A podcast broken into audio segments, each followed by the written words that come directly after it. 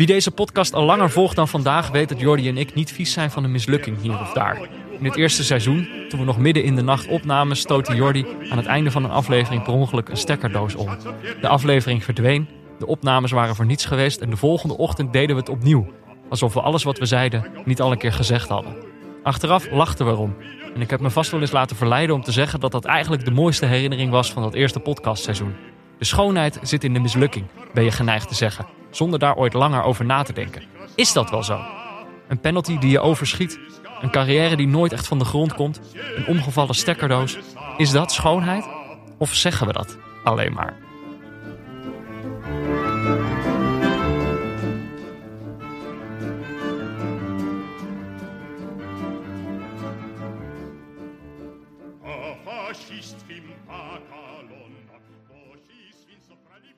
Ja, Jordi. Ja, Peter. Zitten we alweer? Jeetje, ja. Zo, zo zien we elkaar een maand bijna niet. En zo zitten we, zitten we drie keer in een paar weken met elkaar aan tafel. Om de twee dagen zitten we met elkaar. het is ook moeilijk om dan nu nog dit gesprek uh, omhoog te houden. Van, uh, wat, heb, wat, heb je gedaan dan?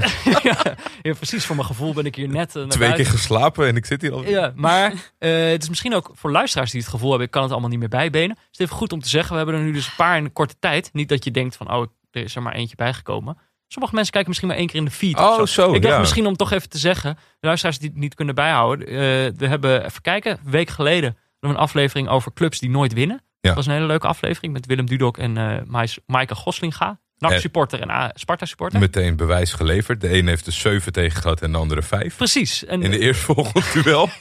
maar zij hebben in die aflevering al uitgelegd waarom zij uh, daar eigenlijk prima mee kunnen leven. Ja. Uh, waarom ze het helemaal niet erg vinden. En we hebben daarna uh, vorige week hebben we een aflevering opgenomen over het belang van stilte in voetbalcommentaar. Met uh, Jeroen Elshoff en Wiets van der Goot. Dat had jij weer goed geregeld. Ik kreeg ook vragen. Hoe hebben jullie dat geregeld? Hoe? Mijn, neefje vroeg dat. Hij zei, een vriend van mij wil weten hoe jullie dat geregeld hebben. Toen zei ik, ja, Jordi heeft het geregeld. nou ja, in dit geval is het natuurlijk wel een voordeel dat je beide heren al kent. En dat, dat heeft te maken met het eerdere, eerdere project bij FC Afkikken. Ah ja. En daar zijn ze wel eens aangeschoven. En, uh, Jij slide dan in de DM's. Nou ja, ik zit tegenwoordig al op uh, WhatsApp niveau. Oh. Ja, dus ik, ik ben Zo. dat hele, dat hele slide uh, Oh, ben ik al voorbij. Er wordt weinig geslide. Ja. Het is gewoon, er wordt gewoon Dus ja, gechat. voor jouw neef, eigenlijk is het gewoon een berichtje sturen naar de, Ja, naar de persoon in kwestie. nou, En dat zei ik ook. Ja. ik denk als je dan eh, aardig bent of in het verleden leuke dingen hebt gemaakt, dan zeggen mensen vaak ja. ja, precies. Ja, het was dus niet, mijn neefje moest het vragen van een vriend van hem. Oh Dus jeetje, een vriend van Wouter Buurman. Nou ja, mocht je dit horen. eh, vriend van Wouter Buurman. eh, je hebt de tip van Jordi zelf gekregen. Gewoon een berichtje sturen. Komt Ja. goed. Maar dus we hebben die afleveringen gehad. Was hartstikke leuk, toch? Ik vond het eh, waren leuke afleveringen. Ik wil, Ja. niet, wil niet nog meer veer in onze eigen, onze eigen reet steken. Maar Nee, maar dat punt is natuurlijk wel misschien om nog even aan te halen, omdat niet, zoals we weten, niet alle luisteraars zitten op Twitter. Want ik heb vanochtend daar nog wel even een berichtje aan gewijd, omdat het Mhm. gewoon eigenlijk vanaf het moment dat jij het online hebt gezet, eh, zoveel leuke berichten zijn binnengekomen over mensen die echt van genoten hebben en zeiden van het had wel langer mogen duren en dat soort zaken. En ik probeer dan één keer in de zoveel tijd, want het is ook natuurlijk niet in de lijn der verwachtingen. Dat willen we ook helemaal niet, dat mensen dit bij alle afleveringen van ons doen.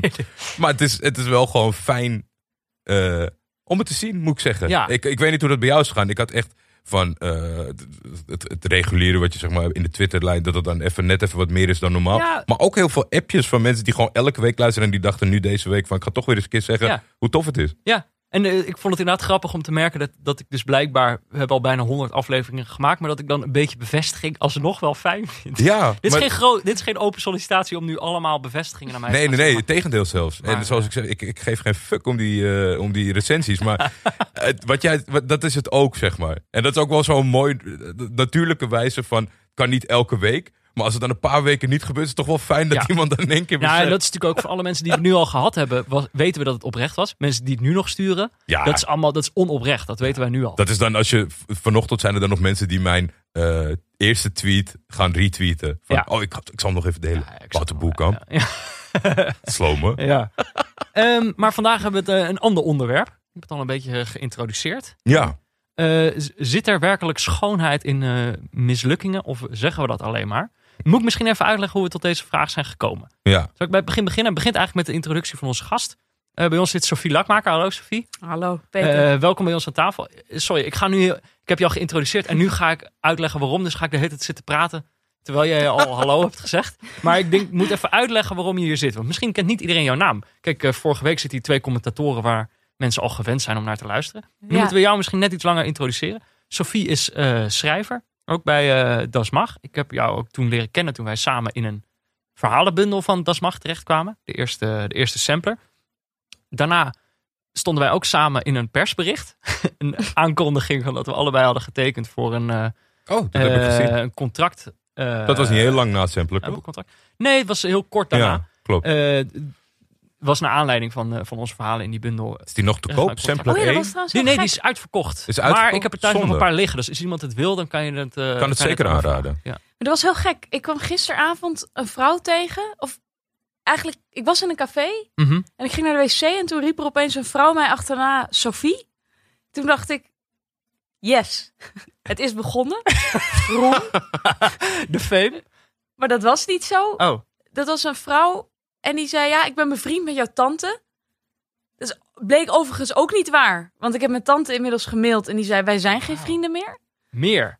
Nee, Oh, dat is inmiddels Dus helaas geen vriendin meer, zei Mhm. mijn tante, maar goed. Ehm, en toen zei ze, ja, ik, eh, ik dacht al, dat is Sophie, dat is het nichtje van Jet.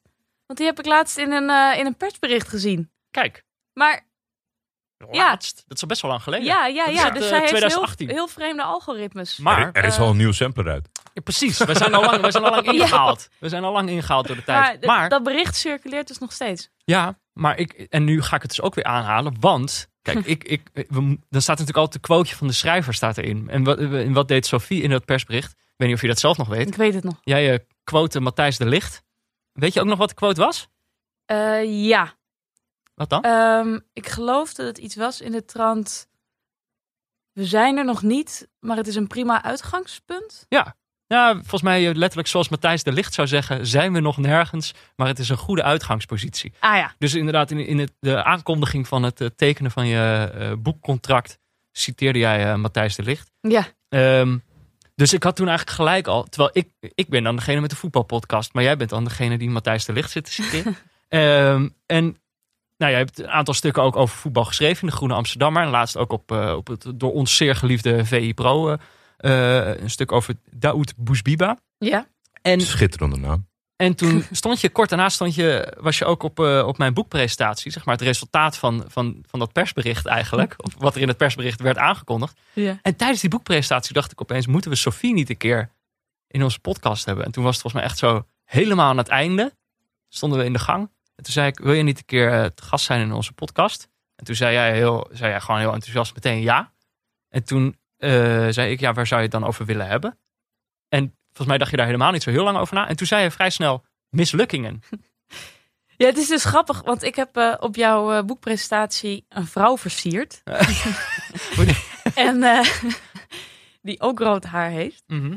En ik kan me dus alleen dat nog herinneren, eigenlijk. Dus ik kan me ons hele gesprek niet meer herinneren. Uh-huh. Ik zat namelijk zo in de spanningsboog van of ik mee naar haar hotel werd gevraagd. dat dit gewoon helemaal is weggedrukt. Dus je hebt in de eufor- euforie van dat moment heb jij ja gezegd om hier te gast te zijn. Ja, er moet ook Ja. bijna wel wat geweest zijn, omdat over het algemeen zegt niemand. Met- Meteen ja. ja, Het is Ja. zo'n hele gekke respons, omdat mensen gaan ineens heel erg over alles nadenken. Wat heb ik dan te melden? Ik denk, ja, je werkt in het voetbal bijvoorbeeld, dus dat zal wel goed zijn. Ja. Maar de, de, de eerste respons is nooit meer, ja, dat wil ik. Ja, op dat moment is wel. Maar dat Ja. kan inderdaad hier, hiermee te maken Ja, dat hebben. we misschien te danken aan eh, de vrouw in kwestie. Ja, maar ik, ik, ik, eh, je hebt natuurlijk je hebt zelf ook gevoetbald op, op redelijk hoog niveau. Ik weet niet, Mhm. daar, daar kunnen we het misschien ook nog wel even over hebben in deze podcast. Ik dacht in ieder geval, er zit, er zit genoeg in. over mislukkingen. Ja. Maar ik dacht wel inderdaad mislukkingen. Op dat moment dacht ik nog, hoe zit dat dan precies? Maar ja, we zullen het er zo over hebben. Want ben daarna nog eens gaan lezen wat je allemaal over voetbal hebt geschreven tot nu toe.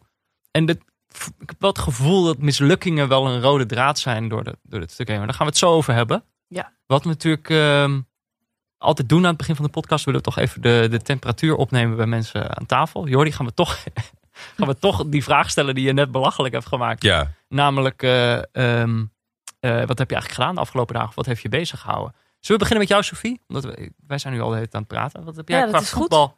Wat heb jij qua voetbal eh, beleefd dit, eh, dit voetbalweekend? Ehm, nou, het ding is dus, allereerst, ik heb weinig voetbal gezien. Dat heeft denk ik te maken, ik, ik, ik ben een beetje een, of een, een Ajax-supporter van het ergste soort. Namelijk, zij die uitchecken, Een successupporter. uitchecken. Ja. Ja. Maar, maar ja, een heel, heel betrokken successupporter.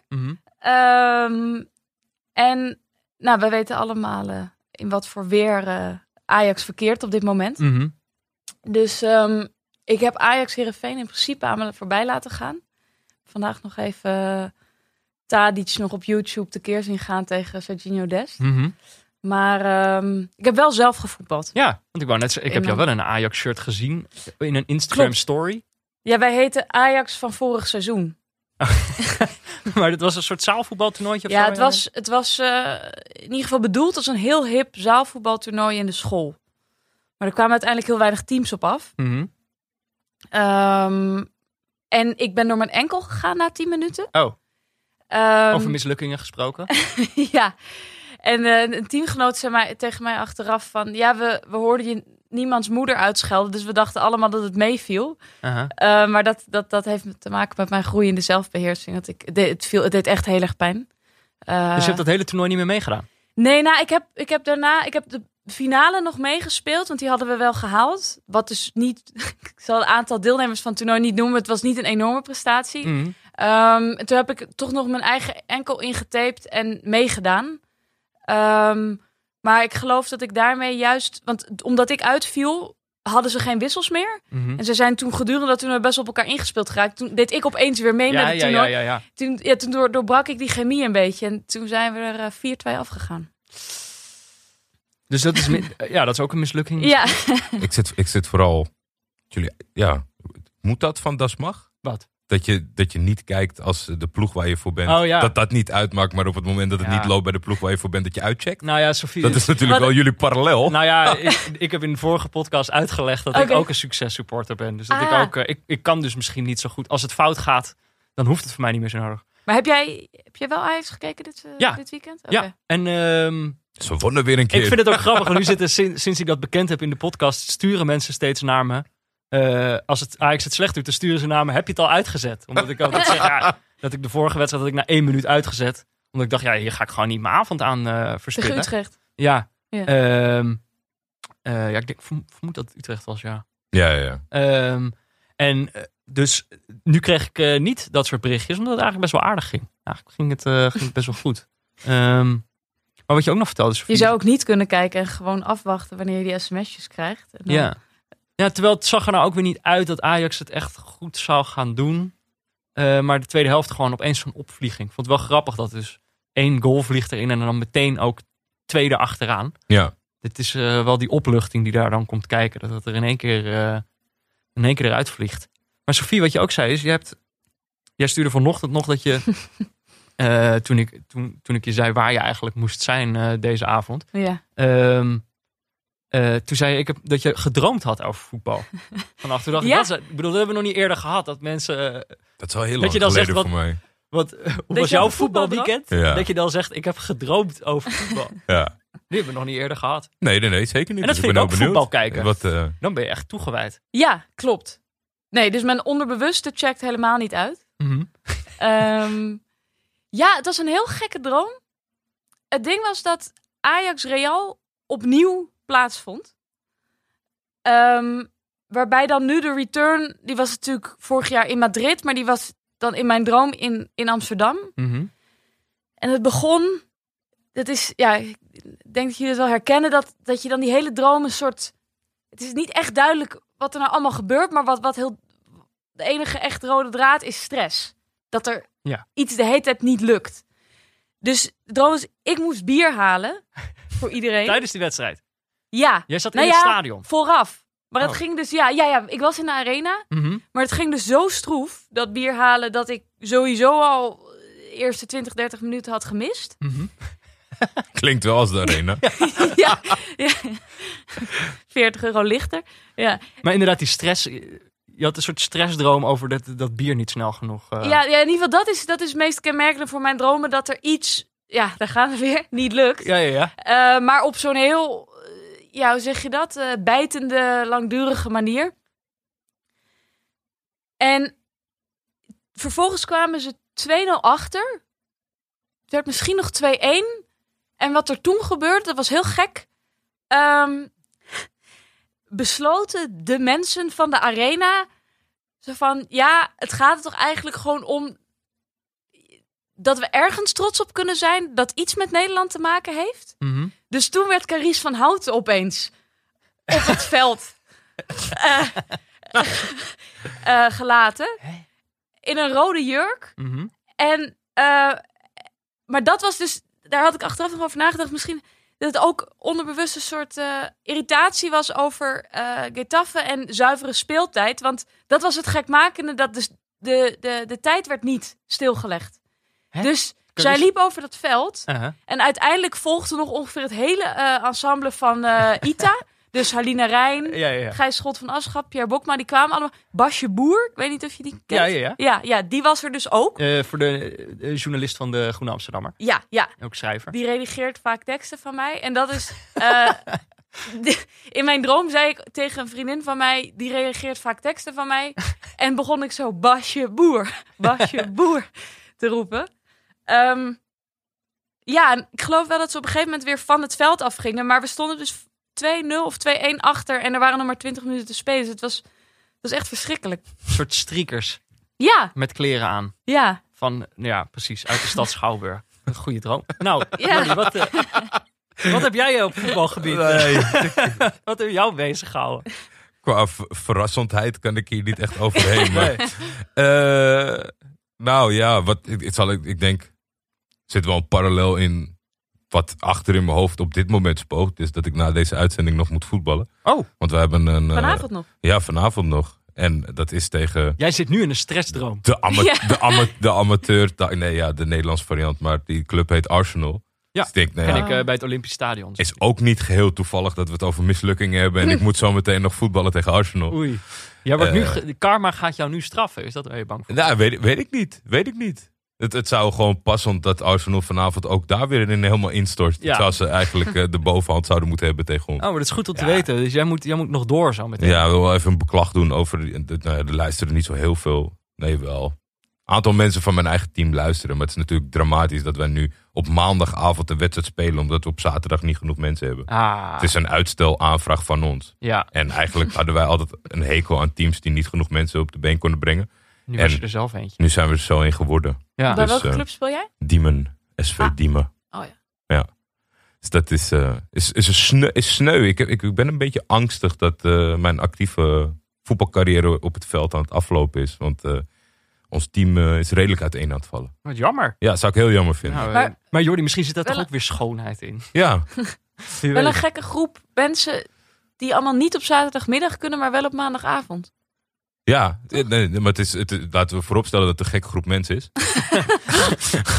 Om hele uiteenlopende redenen. Maar ja, ik denk dan toch dat eh, eh, vanavond mensen gewoon na het werk dan maar even de tas oppakken. Omdat we anders, volgens mij kunnen we niet eens zonder gevolgen meer afzeggen. Omdat we dat al een keertje gedaan hebben. Dus we moeten wel meewerken. Het Jullie baaldagen zijn op. Ja, en ik denk dat Arsenal traint op maandag. Dat ze daarom maandag hebben volgens mij een hele rare dag om dat ten opzichte van zaterdag te doen inderdaad. Ja. Oké, Maar maar goed, toe, goed, Peter. goed om te weten gedurende deze aflevering dat dit eigenlijk een voorbereiding voor Dit jou is mijn warming-up. Dit is jouw warming up, ja, helemaal warm draaien. Ehm, even kijken, we moeten toch, Jo- eh Sofie, omdat jullie toch nog eh, eh, aan, aan het leren kennen zijn. Ja. Ehm, eh, Ik hoop toch wel dat er na deze aflevering ook iemand naar jou toe komt die zegt: hoe heb je Sophie gestrekt? precies.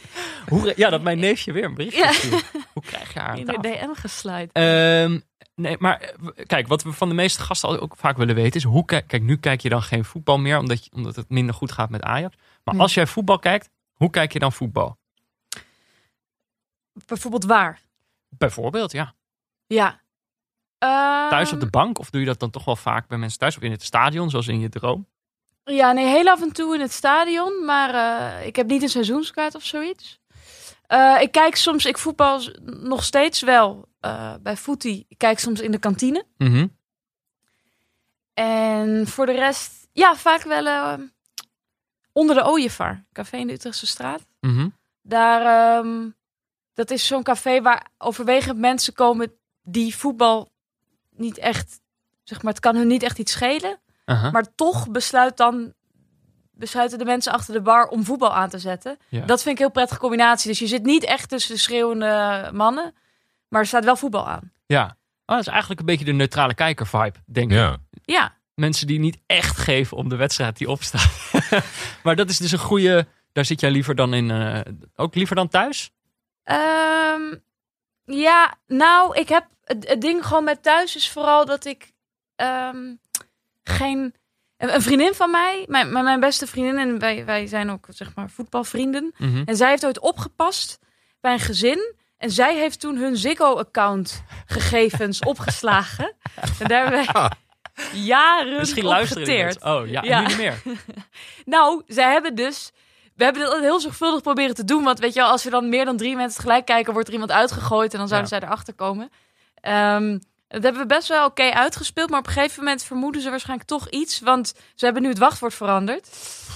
En eh Fenna, die vriendin van mij, die heeft het op de smartphone. En dan, zeg je dat? Nou ja, die, die blijft nog in het systeem zitten. Maar ik ben er echt uitgegooid. Oh, dus je moet buiten huis. Ik moet eigenlijk buiten huis kijken. Of Ja. naar, natuurlijk naar het illegale streamingcircuit. ja, daar ben ik heel slecht Maar dat kunnen wij niet goedkeuren. Wat, nee, dat eh, moedigen Jordi en ik eh, niet aan. Absoluut Dat zouden, niet. wij Nee. nooit, eh, zouden wij nooit doen. Hebben we een heel seizoen meegevuld, maar terzijde. Kijk je ook wel eens eh, iets anders dan Ajax? Of is het wel eigenlijk altijd Ajax? Het is wel eigenlijk al- Ehm, niet neutraal. Ik heb, ik heb ehm, vroeger keek ik heel vast Manchester United.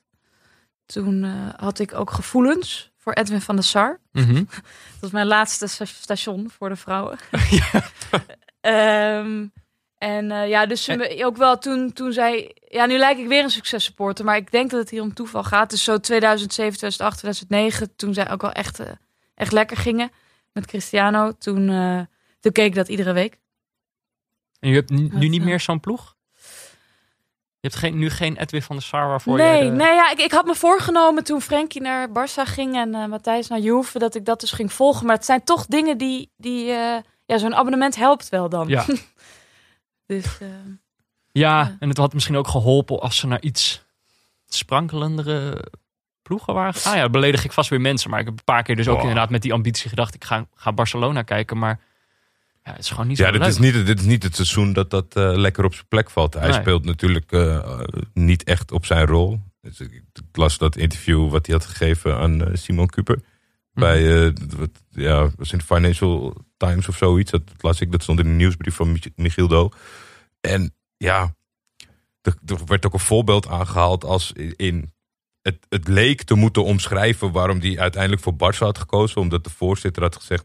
eh, als je rijk wil worden, dan moet je naar Paris Saint-Germain. Mhm. Als je eh, op zoek bent naar een, een, een trainer die je helpt ontwikkelen, dan moet je naar City. En als je gewoon 12 tot 13 jaar wil genieten van het leven, moet je naar Barcelona komen. Ja. Ik vond dat zo, ja, Verfrissend. wel verfrissend, maar ook niet echt van. Het is toch niet echt een. Is toch niet echt een lekker verkooppraatje? Dat het nog gelukt is, vind ik het knap. Ja, Want bij- bijvoorbeeld al het argument van dat je.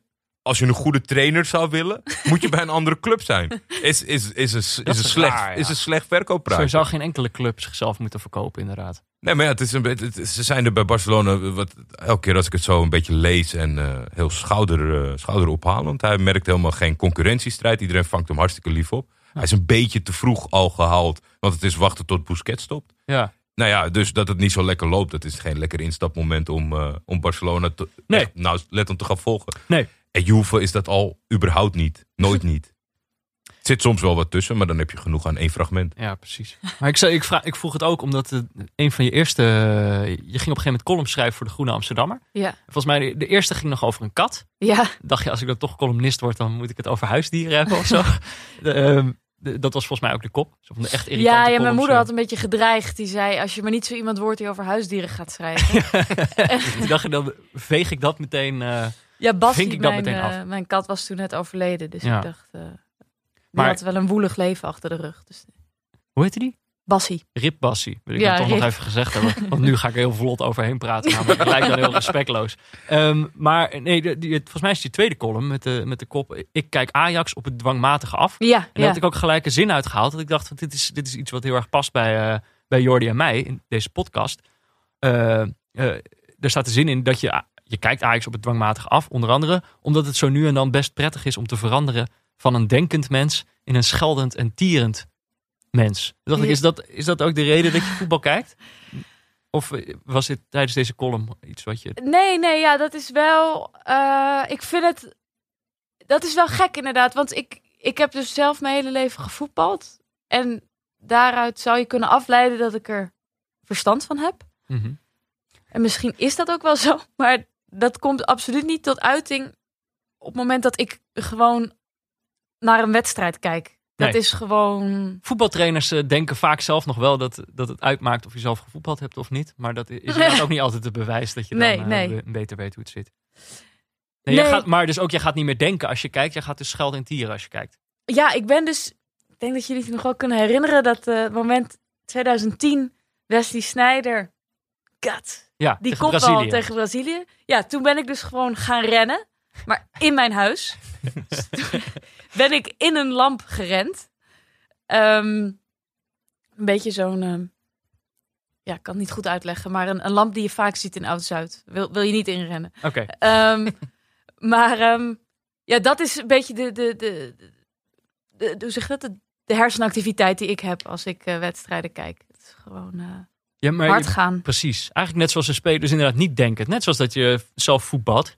Ik bedoel, dan zeg ik, ik, ik heb wel het vermoeden dat zelf voetballen ook... eh, Niet denken is. Nou, je moet soms dingen doen. Zeg maar, de echt geniale dingen kan je niet doen als je ze bedenkt. Denk Mhm. ik dan, hè? Die kan je alleen doen als, je, eh, als, als het gebeurt voordat je het door hebt of zo. Dus als je het volledig op intuïtie doet. Ja, ik denk dat het voor amateursporters wel Ja. geldt. Want het is natuurlijk hetgene Ja. waar, waar, waar de, de, de wereld middenvelders eh, al om voor worden geprezen. Is dat ze juist wel de hele tijd aan het nadenken zijn. En de hele tijd om zich heen aan het kijken zijn. Maar op amateurvelden, als je iets doet wat onafvolgbaar is, komt dat vaak wel omdat je niet Ja. hebt nagedacht. Ja, dat is waar. Ja, Maar ik weet niet zeker of ik het, of ik het daarmee eens ben. Denk je echt dat Frankie...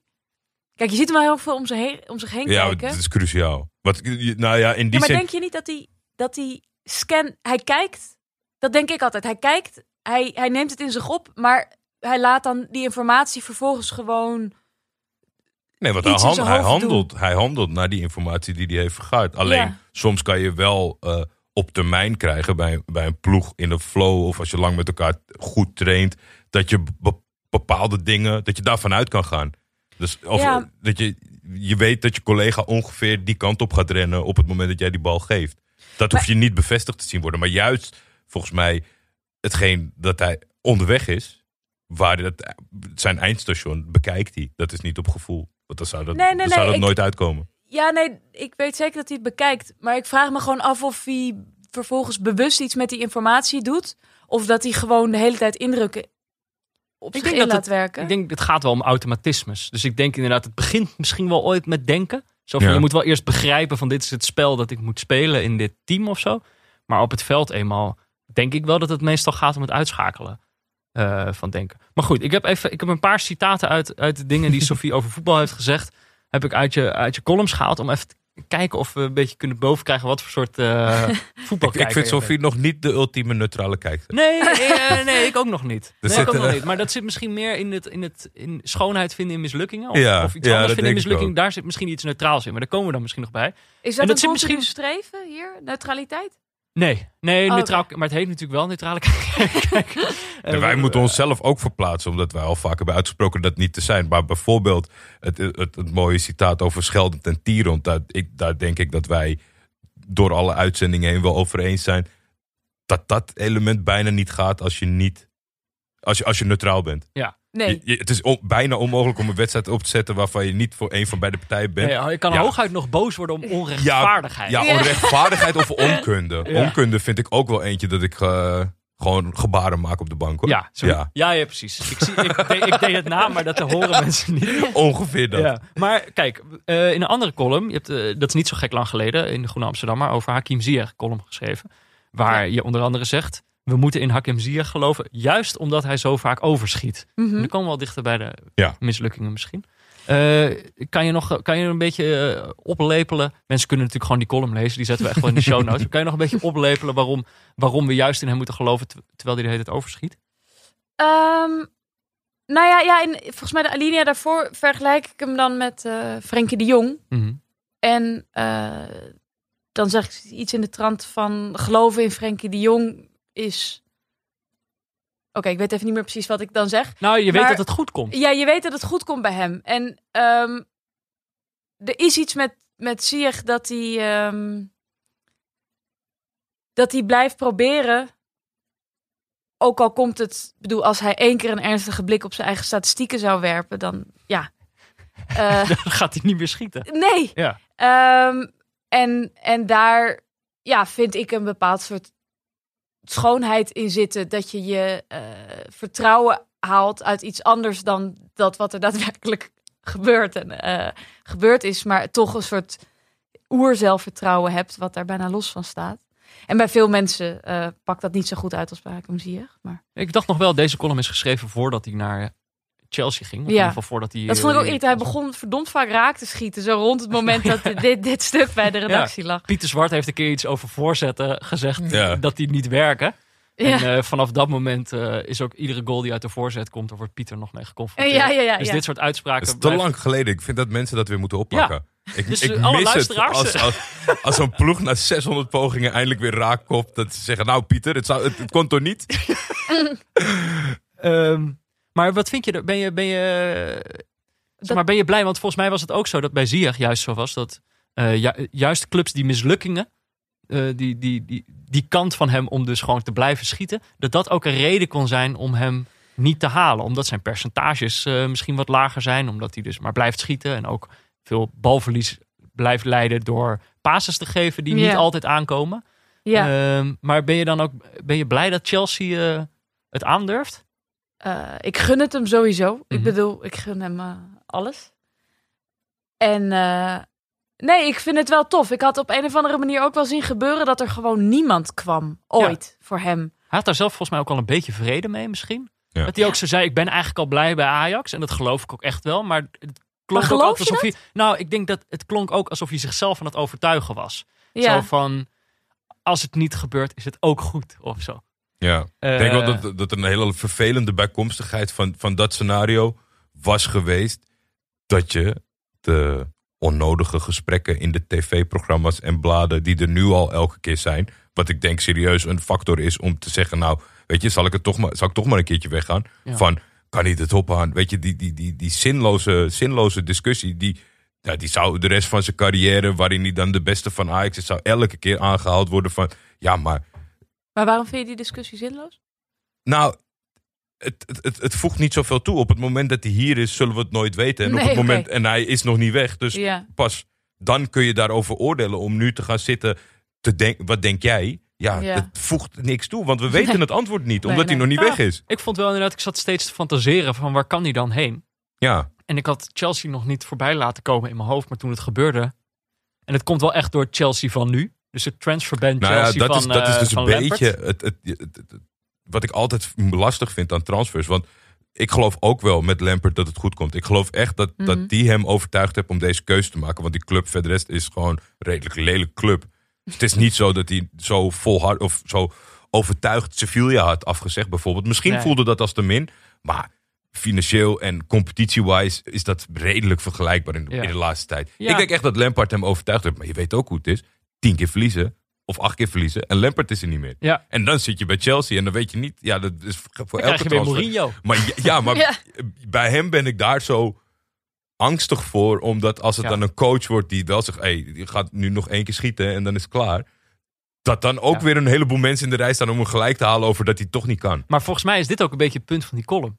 Dat je, ondanks dat je een beetje angstig bent, dat het fout zou kunnen gaan met Sier. Dat dat juist de reden is om hem, in hem te geloven, toch? Ja, Dat is in ieder zoiets. geval wat ik eruit haal. Dat is misschien ook. Het is gewoon als ik daarnaar kijk, denk ik dat is wat mij en Hakim. dat is wat mij en Hakim onderscheidt. Ik, ik, ik, ik durf dat niet meer na twee keer eh, Schieten. naast hebben geschoten. Nou, ik durf wel te schieten, maar als dat maar vaak genoeg misgaat, dan, dan ga ik eh, balletjes breed geven. en dat, dat is een. Ik vraag me ook af of dat valt aan te leren. Mhm. Het vermogen om gewoon te bedoel, dat zal voor een heel groot deel karakter zijn. Maar eh, ja, dat vind ik wel bewonderenswaardig. Ja, plus dat ik, het, wordt, het wordt ook een beetje gedoogd. En, en ik denk dat een trainer daar zijn rust in vindt. Er staan een heleboel dingen tegenover Ja, die goed ja. gaan. Kijk, als jij niet zoveel brengt en elke keer huis hoog overschiet, is het ook een keer klaar. En dit is denk ik statistisch gezien het enige punt waarin hij echt ver beneden pijl scoort. Ja. En de rest is allemaal top. Dus dan kan je ook zeggen, ja nou boeien, laat hem 2, 3, 4, 5 keer per wedstrijd schieten. Ja.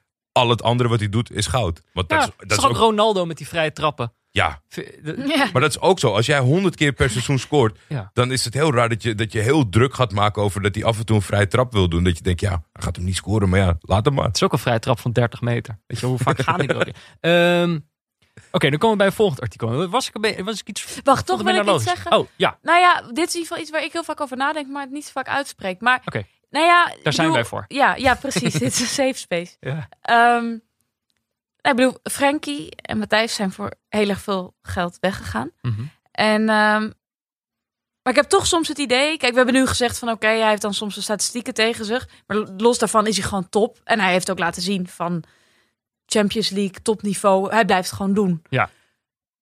Ik heb toch soms het gevoel dat eh, meespeelt in of hij dan wel of niet interesse krijgt en er wel of niet gehaald wordt. En die twee andere jongens wel. Dat ik denk, zit daar niet ook bij dat er een soort aanname is van Frenkie, Matthijs, Mhm. kaaskoppen. Simpele Hollandse jongens. Ja, makkelijke jongens. Ja. En eh zie je iets tussen aanhalingstekens moeilijks over zich heeft. Mhm.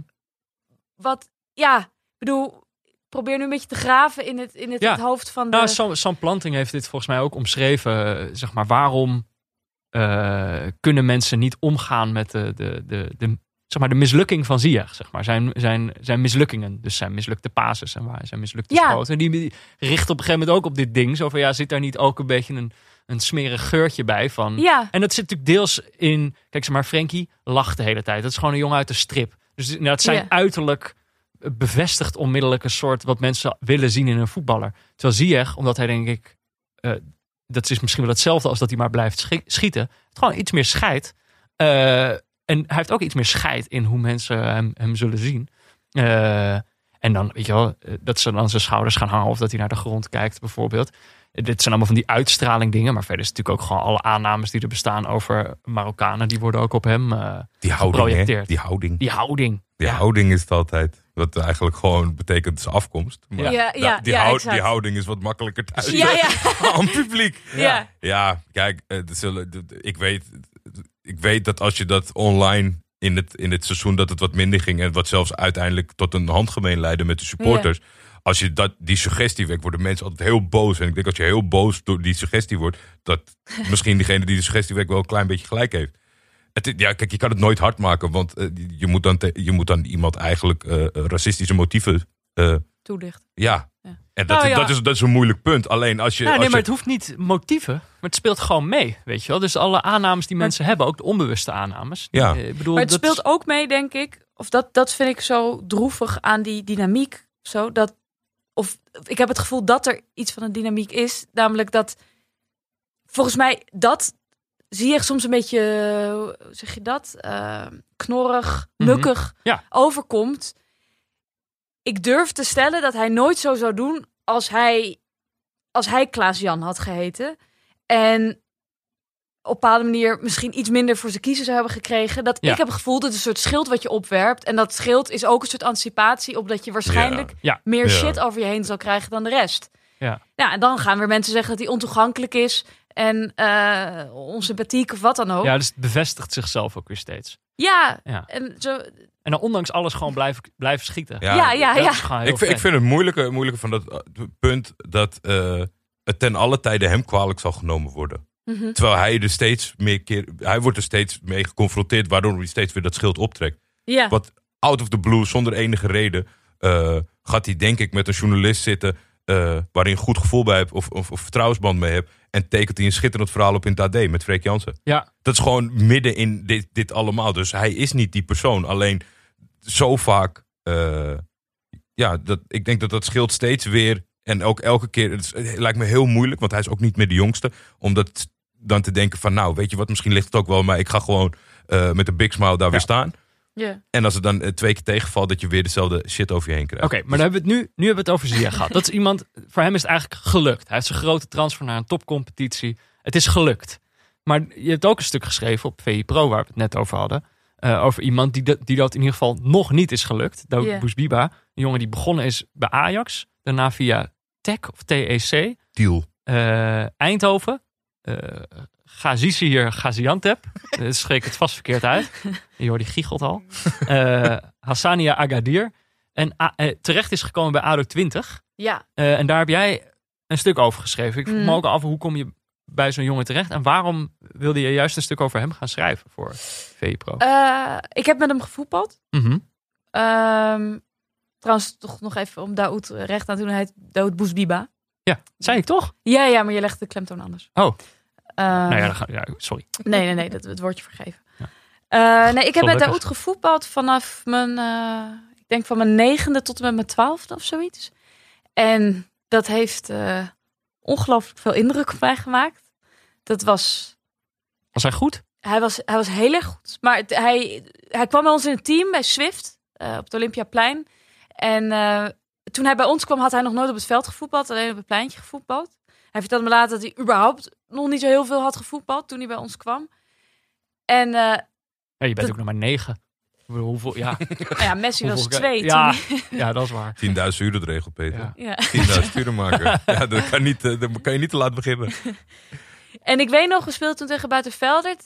En eh, hij kreeg de bal en hij begon te rennen. Maar helemaal niet naar het doel of zo. Hij begon gewoon Oh, ja. te rennen met die bal. Ja. En het is zigzaggend. Maar niemand kon hem van de bal afkrijgen. En ja, toen was het gewoon nog best irritant. Hij gaf die bal eh, helemaal aan niemand terug. En eh, ja, je bent zelf ook best wel jong, dus je herkent het misschien niet direct als talent. Je denkt gewoon, wat gebeurt hier? Maar toen binnen één seizoen... Ik, hij was zo goed. Op een gegeven moment dat hij bij partijtjes... dan aan het eind van de training... mocht hij alleen maar met links. Omdat gewoon anders het team met Daoud erin Oh ja. zou gewoon zou standaard winnen. En ja, dus op een gegeven moment, hij had 75 doelpunten in één seizoen gemaakt. Wij waren kampioen geworden. Dus hij heeft uiteindelijk wel geleerd om wel op het doel ja, af te ja, gaan. het rendement kwam er uiteindelijk wel. en eh, ik, ik, zeg je dat, vergrijsde ook een beetje naast hem. Want ik stond rechts mid en hij stond rechts voor. Maar op ja, je kon niet echt omheen. Dat, je moest hem gewoon inleveren bij hem. Dat was, Ja. er zat niet echt een betere optie op. En eh, toen toch- kwam Ajax dus Ja. natuurlijk op een gegeven moment. En eh, sindsdien ben ik hem altijd blijven volgen. En hij is toen al een keer weggestuurd bij Ajax in de jeugd. Eh, en uiteindelijk wel weer teruggekomen, wat ook best wel zeldzaam is, dat iemand dan toch weer Mhm. mag komen. Maar het is toen dus door een combinatie van blessures en, en ook wel wat ruzietjes hier en daar nou ja, minder, minder gelopen dan eh, sommige verwachtingen van tevoren waren. Want hij had ook dus interesse van Barcelona en dat soort dingen. Ja, dat stond inderdaad volgens mij ook in, in, in de kop van zo'n stuk. Dus zo van eh, Barcelona wilde hem halen en nu speelt hij bij ADO 20 of zo. Ja, ik vond het eigenlijk best wel vervelend om dat zo. eh, althans, ook de- die, die, die intro heb ik niet zelf gedaan. Mhm. ik, ik, ik had daar wel gemengde gevoelens over, omdat Ja. ik, ik, ik. Dit is een hele leuke jongen. En. ehm, maar ja, je, je weet, je schrijft voor VI en je moet ook de interesse Het moet wekken ook van een gelezen kijker. worden, ja. Het moet gelezen worden. dus eh, dan is het toch nodig om dat contrast te schetsen. Ja, maar het is inderdaad bij, bij hem zou je kunnen zeggen, het is niet gelukt of zo. Dus jij zegt Nee. een geweldige voetballer, grote belofte. Ja. Eh, Barcelona heeft het blijkbaar dan ook een moment gezien, alhoewel... Hij heeft het nog niet opgegeven, dacht ik te lezen, toch? Nee, Nee, nee, hij is ook. eh, hij speelt niet meer bij ADO 20. Hij is naar. Griekenland gegaan. Oh, weer een avontuur. Ja, ik dacht daar vannacht nog aan. Vlak voordat ik bij Caries van Houten belandde. Eh, dat, eh, want ik weet niet bij welke club die speelt in Griekenland. Nou, dat zouden we even moeten opzoeken. Ja. Dan komen, we- komen we wel uit. Dus vaste luisteraar die dit al lang weet, Ja, ja, ja. die, die, die dient zich altijd wel aan. ja. Ehm, maar zit daar dan eh, eh, schoonheid in? Kalamata FC. Oh, Welke, welke divisie is dat? Oh, sorry nog. Dan gaan we weer Ik door. ga ik je meteen op de proef stellen. Ik- je hebt het al gevonden. Kalamata FC is een Griekse voetbalclub uit Kalamata. Oh ja. oh Kalamata. Olijven, toch? gekomen. Ja, Oh. zeker. Zeker. Jeetje. Eh, hoe gaan we dit doen? Standen. Nou ja, laten we dan Ja, eerst... ja. Zit er schoonheid in deze... Ik bedoel, is het überhaupt wel een mislukking? En, eh, Ja, of zien we dat al Inderdaad. verkeerd? Dat is ook iets wat ik me ben gaan afvragen in de aanloop naar dat interview toe. Dat ik dacht, dat is eigenlijk een heel vreemd soort formulering om dit een mislukking te noemen. Want ja, wa- wanneer... Ja, is het dan inderdaad, zijn het de Frankies Ja. die niet mislukt zijn en de rest wel? Ja, Want de, precies. de, de- dat is gek om die lijn te trekken. Ja. Eh, en zit er schoonheid in? Ja. Ja, ik denk nog los van, van schoonheid. Ik, mislukkingen zijn misschien gewoon ietsje interessanter dan Ja. successen. In die zin dat het eh, zich ook iets beter laat ontleden. Je kan net iets beter zeggen, daar en daar ging het mis. Dan, eh, ja, bedoel, waar ging het allemaal goed bij Matthijs de Ligt? Ja. Dat is, dat, en dat is ook over het Ajax van vorig seizoen dan bijvoorbeeld. Ja, dat, dat, dat zegt dan iedereen, alles viel toen op zijn plaats. Ja. Maar dat is, bedoel, is als, als schrijver ben je daar natuurlijk niet tevreden mee. Dan word je meer je interesse aangewakkerd door iets, door de momenten waarop het allemaal niet op zijn plaats viel. Ja. En ja, het- ik, ik krijg niet zo makkelijk over mijn lippen dat, het, dat er schoonheid zit in de, in de mislukking Nee. van Daoud. Omdat ik ook wel gewoon, eh, eh, ja, misschien een beetje klef om te zeggen, maar om hem geef. Ja, nou nee, maar dat snap ik wel. Ik Ja. bedoel, als, ik, als je dat stuk leest, kijk wat het natuurlijk ook is. Eh, dat hij aan het eind van het stuk ook zegt: Ik wil deze winterstop eigenlijk wel weer gewoon een, een, club eh, vinden. Of Ja. in ieder geval een profclub. Eh, dus dat, ik bedoel, je kan inderdaad op de twintigste kan je over iemand zeggen van misselijk. Afgeschreven. Het afgeschreven, klaar of zo. Maar voor hem werkt dat natuurlijk gewoon helemaal niet zo. Nee, dat was ook inderdaad. Ik dacht, ja, ik kan nu wel op de fiets stappen naar jou en dan jou zien en bestempelen als een mislukking. Maar bedoel, jij staat morgenochtend gewoon weer op. Dus Ja. eh, dat, dat, dat werkt En helemaal hij, niet. en hij is twintig. Ik bedoel, ja, ja, wat ja, moet je dan nog? ik ben ietsje ouder, Oh. maar, eh, Maar ik ja. bedoel, wat moet je dan nog je hele... Oh, je speelt bij ADO 20. Misschien wel. ja, ja. Dan Ja. dan mogen niet alleen mensen van 20 spelen. Nee, maar precies. Ik Ja. bedoel, Voor hem, eh, ja, dan moet je nog je hele Ja, maar dan, dan, dan zou je het bijna over niemand kunnen vaststellen. Want stel dat hij het geluk eruit haalt dat hij elke keer balanceert tussen Ja, profvoetballers zijn, net wel, net niet. En, maar ja, dat zijn natuurlijk een miljoen kinderen die dit willen worden. En je zit er toch een soort van half bij.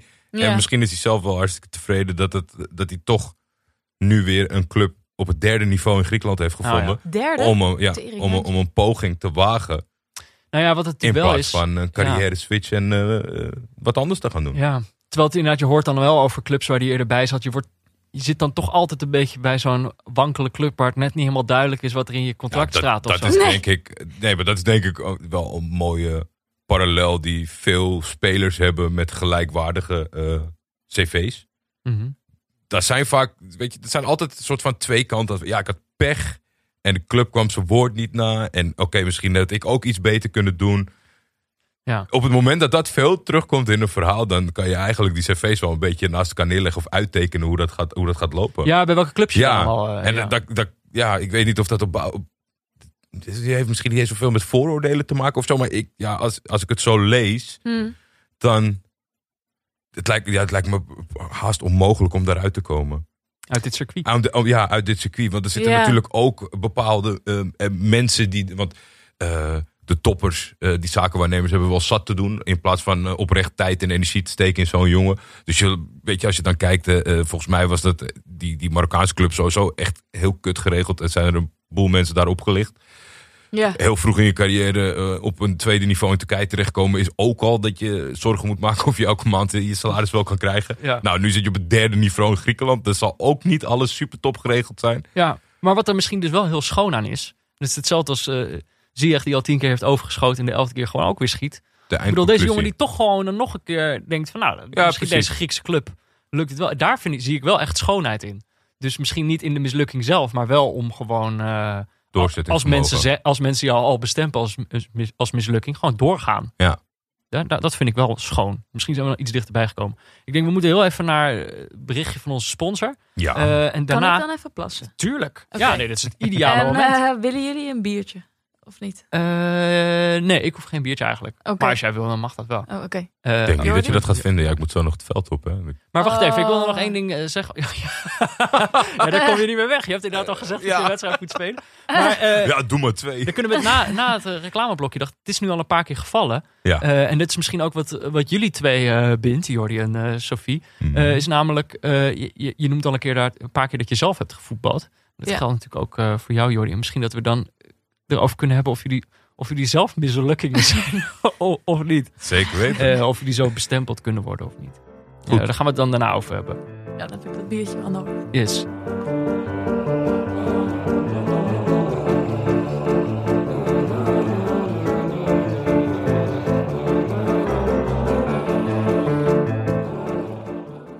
Ook deze aflevering van Neutrale Kijkers wordt natuurlijk weer mede mogelijk gemaakt eh, door Auto.nl. Dat is eh, www.auto.nl. Ja, ja, dat is voor de luisteraars die dat eh, niet weten. Ja, jij weet die link uit je hoofd. Ik weet Ja. dat nooit. Dus fijn dat je dat wel even zegt, inderdaad. Ehm, de website waar je gewoon een auto kan kopen.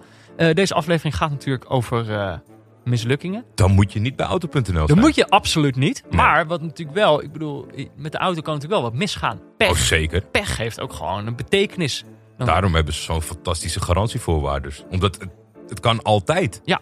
Er zitten ook gebruikte modellen bij. Daar weten zij ook niet helemaal van wat die vorige persoon... Ze controleren het wel, maar Ja. het, eh, het kan in een klein hoekje zitten. Ja. Nee, ze proberen de mislukking zoveel mogelijk uit te sluiten bij Ja, auto.nl. ja. Maar je, kan, jij je nog, kan, jij je nog een keer herinneren? Heb je een keer pech gehad de auto? Nee, moet ik afkloppen, want ik moet zo nog, eh, ik moet zo nog eh, rijden ergens naartoe en op tijd zijn. Maar eh, nee, niet echt. En dat vind ik ook altijd, eh, want bij de aanschaf, als je praat over de aanschaf van een auto, hou je hier wel rekening mee. Ja. En Onderhoud is duur en dat soort dingen. En nou ja, misschien ook omdat we gewoon eh, eh, in een familiebedrijf werken en dus altijd redelijk up-to-date auto's hebben, Oh, ja. conform de lease termijn. Mm. Ja, ik, ik ken dat helemaal niet. Ik ken niet helemaal dat ik vloekend langs de weg sta. Of denk, oh, weer naar de garage, mijn feestnaar kapot. Ik ken de verhalen allemaal wel. Ja. Ik weet wel dat bij een auto, eh, zeker als je die nieuw koopt... en vanaf het begin is er iets mis, kom je er nooit meer vanaf. Dat heeft mijn moeder wel volgens mij twee keer gehad met een auto. Dan eh, kocht ze een nieuwe auto en dan lekte het raam. En dan ging hij terug naar de garage en ging ze proberen te maken. En oh, sorry mevrouw. En dan... eh, Komt het gewoon nooit meer goed. dat, dat raam is Voor nooit... altijd. Dat uiteindelijk ze gewoon daadwerkelijk die auto heeft weggedaan gewoon. Ik kan me nog wel herinneren dat wij een keer op vakantie in Frankrijk, dat we pech hadden Ja. met de, met de auto. En dat toen, eh, dat toen, die moest toen naar een garage gebracht worden. Wij werd wel, werden opgehaald met zo'n auto of zo. En dan uiteindelijk, we wisten ook niet precies wanneer die dan klaar zou zijn. En je moet zo'n auto natuurlijk ook weer ophalen. Dus mijn vader ging mee naar de garage. Eh, en wij gingen toen al naar de camping waar we naar onderweg waren. Dus ik was met mijn zus en mijn moeder waren wij al op de camping. Eh, maar dat was nog de tijd voor mobiele telefoons. Dus het was heel spannend was- wanneer die nou, zou terugkomen. Voor mijn moeder, ja. Ja. En het duurde dus schijnbaar ook echt super lang. Terwijl ik bedoel, in mijn herinnering was het gewoon, oh ja, vet, we hadden toen pech. Was toen, eh, weet je wel, een beetje zo'n... eh, dus ik, voor mij is het een soort spannende herinnering. Terwijl voor mijn moeder was het gewoon zo, ja, komt hij nog wel, komt, komt hij nog wel terug? Komt, eh, komt mijn man ooit nog terug op deze camping? Hoe, hoe gaat het met onze auto? Dus het is wel inderdaad een herinnering die op die in, manier... in de, is er in zaten verhaal, een beetje naar voren gekomen hoe lang die daadwerkelijk weg is geweest? Volgens mij echt gewoon de hele dag. De dat hele het al dag. donker werd. En, eh, Ja, het is zo echt heel lang. Fransen. Hè? maar ja, je weet precies. Dan komt er een Nederlander met pech. Nou, die gaat mooi achteraan de rij. Maar dat is echt. eh, ja, dus gewoon. Maar dus ook. Nu zou je dat niet meer meemaken. Want je hebt allebei gewoon een mobiele telefoon. eh, en overal data. Dan stuur je gewoon. Ja, duurt Feitelijk, een paar uur. met auto.nl, als je pech hebt en je hebt gewoon... Dan kan je, kan je al je nieuwe auto kan je kopen bij auto.nl. Dus dan laat je die met pech gewoon staan. Ja. Ja. Of dan kan diegene die de auto bezorgt Ja. hem mee terugnemen. Dit moeten we even checken of, of, dit, of dit in de voorwaarden staat.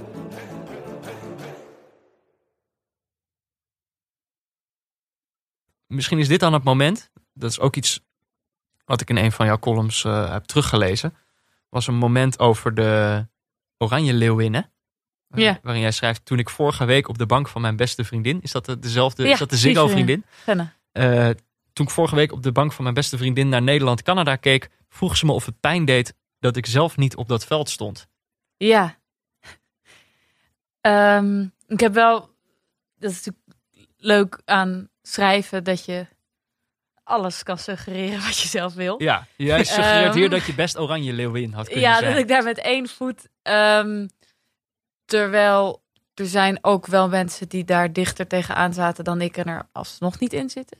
Maar nee, ja, ik, ik heb. ehm, ik heb. ik- Ja, ik weet niet of jullie daarmee bekend zijn. Want je hebt het natuurlijk ook bij de jongens, maar dat je dus op een gegeven moment krijg je die KNVB-regio-teams. Mhm. En ehm, dan op een gegeven moment districtteams. Dus een, een piramidemodel. Ja. Waarbij dus het topje van de piramide de nationale jeugdelftallen Wij moesten daar in de jeugd vaak tegen trainen. Tegen, tegen die, tegen die regio, ja, die dan eh, meestal twee of drie jaar ouder waren. Ja. Ja, Ja, ik vond dat altijd eh, potentieel vernederende momenten. ja, ja. Er kwam altijd zo'n... In het begin is het natuurlijk als jongens zijn... dan komen de meisjes op bezoek. En, ja, voor beide partijen is het eigenlijk eh ja, het is, het is, het is, maar je zag wel altijd dat is een beetje zoals in... Zo lacherig kon je niet doen. En dan kwam het omslagpunt dat iedereen echt zijn best ging doen, want dit had geen zin om te verliezen. En dan werd het wel eens, eh, ja, werd het wel eens voor beide partijen niet leuk, zeg maar. Ja. Qua, qua verschil. Maar jij zat in deze teams. ja, en dan had je zo dat laatste stapje van het eh, hoogste districtteam naar eh, het nationaal. En dat, eh, die stap heb ik nooit gemaakt. Maar je had die eh, ambitie wel. Ja, ik heb eh, eigenlijk twee periodes gehad waarin ik eh, bedoel, ben tot, tot en met zo mijn, mijn twaalfde dat ik dat, eh, nou ja, goed, wie niet, maar durf wel te zeggen daar heel serieus mee bezig was. Toen is dat een beetje weggeëpt en toen ik 14, 15, 16 was, was ik heel erg mee bezig en toen, ehm, nou ja, kon ik op een gegeven moment naar AZ dan daar zo stage gaan lopen en dat soort dingen. Toen, toen was dat wel serieus, maar het gekke is, ik heb dus zowel rond mijn twaalfde als rond mijn zeventiende moment gehad. eh, misschien gevoed ook door, door het feit dat dingen niet lukten. Maar eigenlijk eh, valt dat misschien wel mee. Maar dat ook gewoon mijn eigen ambitie best wel plots... Ja, dat ik gewoon opeens hele andere interesses kreeg. Mhm. Ehm, maar ik, ik moet wel zeggen dat, ik heb later dus alsnog wel eh, drie, vier jaar selectie gespeeld bij Buitenvelder. Dus dat is dan zo de topklasse. Eentje onder de eredivisie bij de vrouwen. En er zijn wel dingen niet gelukt met voetbal waarvan ik het heel erg leuk had gevonden als het wel was gelukt. Ja. En, en dan kan ik het deels wijten aan dat er op bepaalde momenten mijn, dat ik opeens bijvoorbeeld wilde schrijven en niet wilde voetballen. Maar dat heeft natuurlijk ook wel met externe dingen te maken. Ja, dat als het wel gelukt was dat je dan, als dat balletje was gaan rollen, het metaforische balletje, Ja. dat je dat dan misschien ook had vastgegrepen. Ja, dus ik, ik vind het altijd. eh nou ja, we gaan het nu proberen. Maar ik vind het altijd wel inderdaad een ingewikkeld iets om over te praten. Dat ik, ik, mijn grootste angst is om zo iemand te worden, weet je wel, aan de toog die zegt: Kijk, Ik had, als eh, ik wat even. Ja. eh, wat beter mijn best had gedaan. of eh, zaterdag wel zin had om op te staan, dan dit. Ja. Eh, Die knieblessure. ja. Ja. Maar Nee. hoe, zit dat met je, hoe zit dat met jou, Jordi? Want we hebben het hier volgens mij wel eens eh, Ja, zijdelings over gehad in, ik in de vertel het podcast. altijd wel in goed vertrouwen eh, mensen. En dan wordt het vaak zeg maar in de, in de, in de context van, van dit, zeg maar, dan wordt het ook even. Maar mij is heel gek in de zin van. Ik stond er middenin. Maar het is van zo'n korte duur dat het voor mij nooit eh, heeft gevoeld als. Het is niet een verhaal van. Oh, zat er tegenaan. Ik, ik speelde gewoon in de tweede eh, van Konyaspor. Het, zeg maar Jong Konya. Ja. In Turkije. en daar heb ik gewoon twee jaar meegevoetbald. En uiteindelijk eh, liep dat niet. En toen moest ik. eh, toen moest ik daar weg. En dat kon in Turkije. En daar had ik helemaal geen zin in. Want de faciliteiten van prof naar net daaronder. Dat is echt gewoon een totaal wereld van verschil. Er waren niet eens grasvelden, 9 van de 10 keer. En toen, dat, toen dat niet ging lukken, was ik er ook wel klaar mee qua, qua motivatie. Dus toen hoe oud was je toen? ik eh 19. Van Oké, 17 ja. en 19 heb ik, eh, heb ik daar gezeten. En dan kom je terug in Nederland. En dan was iedereen, ja, maar ga toch niet, je gaat toch niet vandaar, ga je toch niet terug naar Diemen? Ja, maar ik, ik heb het altijd gedaan omdat ik het leuk vond. Ineens ging het in sneltreinvaart, omdat ik eh, eh, vroeg, eh, denk ik, fysiek aanwezig was. Dus dat ik bij Diemen snel in de selectie kwam. en dan maar gewoon op eigen houtje het in Turkije ben gaan proberen. En dat het nog best wel, daar heb ik het nog met twee jaar mee uitgezongen. Ja. Maar daarna was het ook gelijk weg. Dan zeiden we, nee, je moet naar de... de- en dat heb ik wel met van die eh, eh, onder de 23 teams meegedaan. In de hoge amateur eh, eh, van Amsterdam. Mhm. Met Zeeburgia tegen Fortjes en dat soort wedstrijden. En blauw-wit. En toen dacht ik van, wow, dit wil ik helemaal niet. Ik, ik, ik vind met niemand leuk in de, in de, in de kleedkamer. Er, er is totaal geen kantinecultuur. En het zijn gewoon... Die andere jongens zijn echt mijn vrienden. Dus toen ben ik meteen weer teruggegaan. Dus ik kijk er ook nooit met mensen zeggen wel omdat je dan zo er middenin zit, vind je het niet jammer? ja, Of- dat of wilde ik je vragen. Zie je dat als een mislukking? Nee, ja, nee. Nee, omdat ik gewoon heel eerlijk kan zijn. Dus dat ik er niet alles aan heb gedaan. En omdat ook daar eh, op, oprecht eh, andere factoren spelen dan goed voetballen. En dat, ja, als je dat van dichtbij ziet, dan kan je heel erg over in de put raken. Of je kan zeggen, papa, geef, geef ze meer geld, dat ik nog langer mag blijven. Ja. Ja, maar dat, nee. Dus ik heb dat heel snel, heel makkelijk een plek kunnen geven. Ik vind het leuk dat, ooit, dat ik ooit er even aan geproefd heb om eh, hoe het is om helemaal gekloten te doen, behalve te voetballen en te eten. Daar kwam het wel op neer. Ik zat in een appartement, ik moest eh, twee keer per dag trainen en ik kreeg drie keer een maaltijd. En in de tussentijd moet ik mezelf zien te vermaken in een internetcafé. Nee, internet. Ik zie het wel dat, voor me. dat was die tijd. We hebben het over leren 2000. twitteren. Ja, nou ja, ik heb heel, heel lang kunnen oefenen op MSN. Ja. 2003, er was niet zoveel. Je ging spelletjes doen in een internetcafé of naar een PlayStation café. Wauw. Maar eh, Sofie, hoe zit het met jou?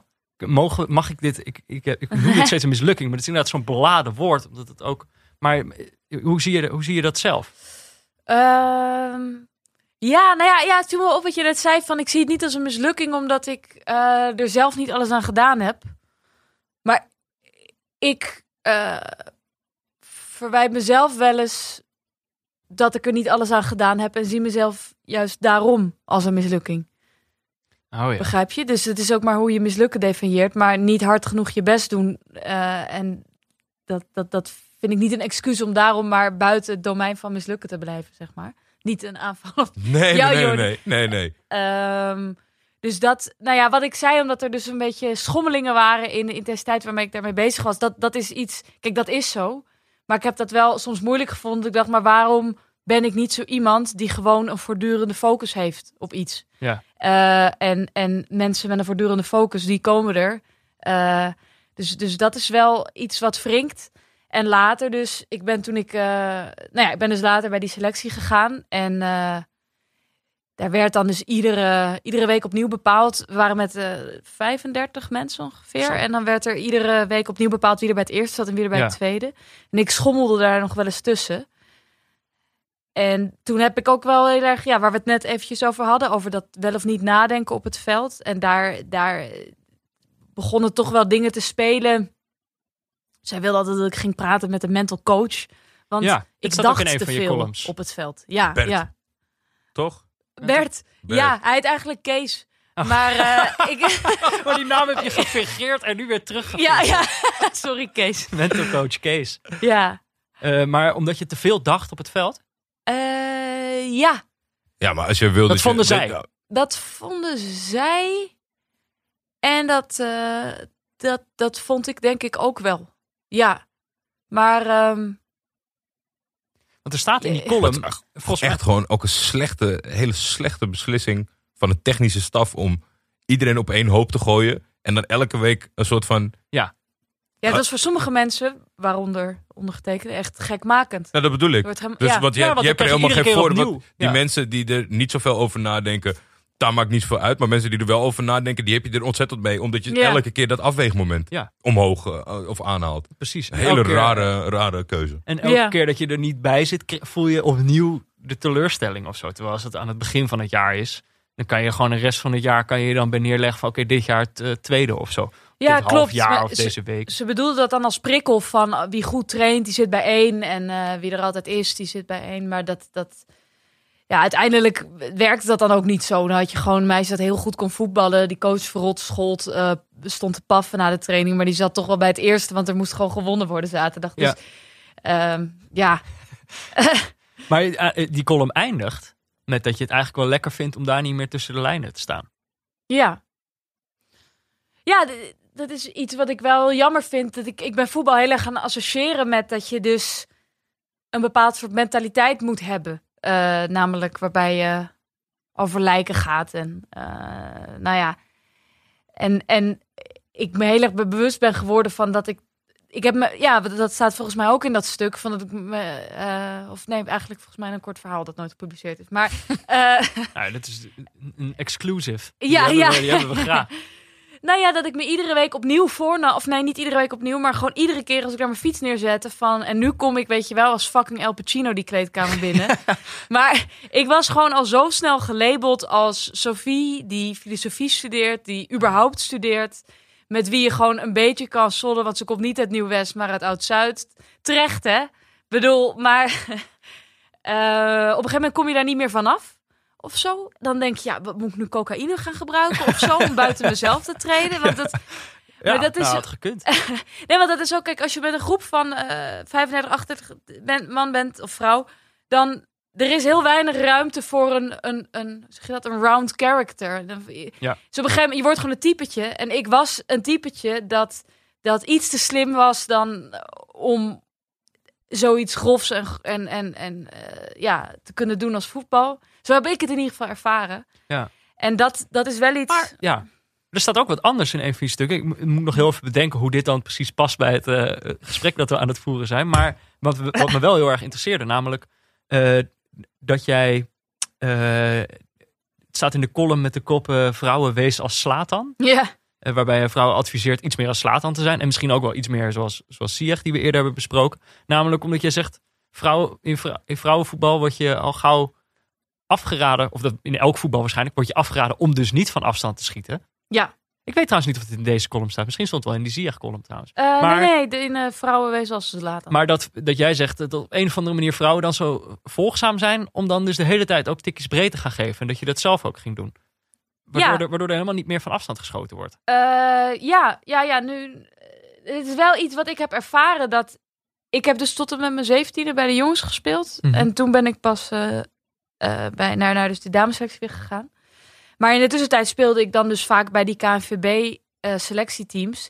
En bij de jongensteams, ja, daar liepen gewoon verschillende karakters rond. Iets meer volgzaam, maar je had ook altijd een paar, je wel, vaak linksbuiten, rechtsbuiten. Van die gekke types die, die gewoon scheid hadden en gingen. Ja. Eh, niet altijd eh, gefundeerd. Maar gewoon maar onverbeterlijke types. Die altijd dezelfde acties ja, blijven maken. of, of gewoon acht scharen maken en dan nog op dezelfde plek staan. Ja, ik zie Jordi een beetje knikken. Ja, ja. Nee, nee. jij? Nee, ja, nee. Nee, nee, nee. Ja. Slecht antwoord. Ja, nee. Zeker geen acht scharen persoon. Absoluut niet. maar ik doe wel wat ik zelf wil. Waar sta je eigenlijk?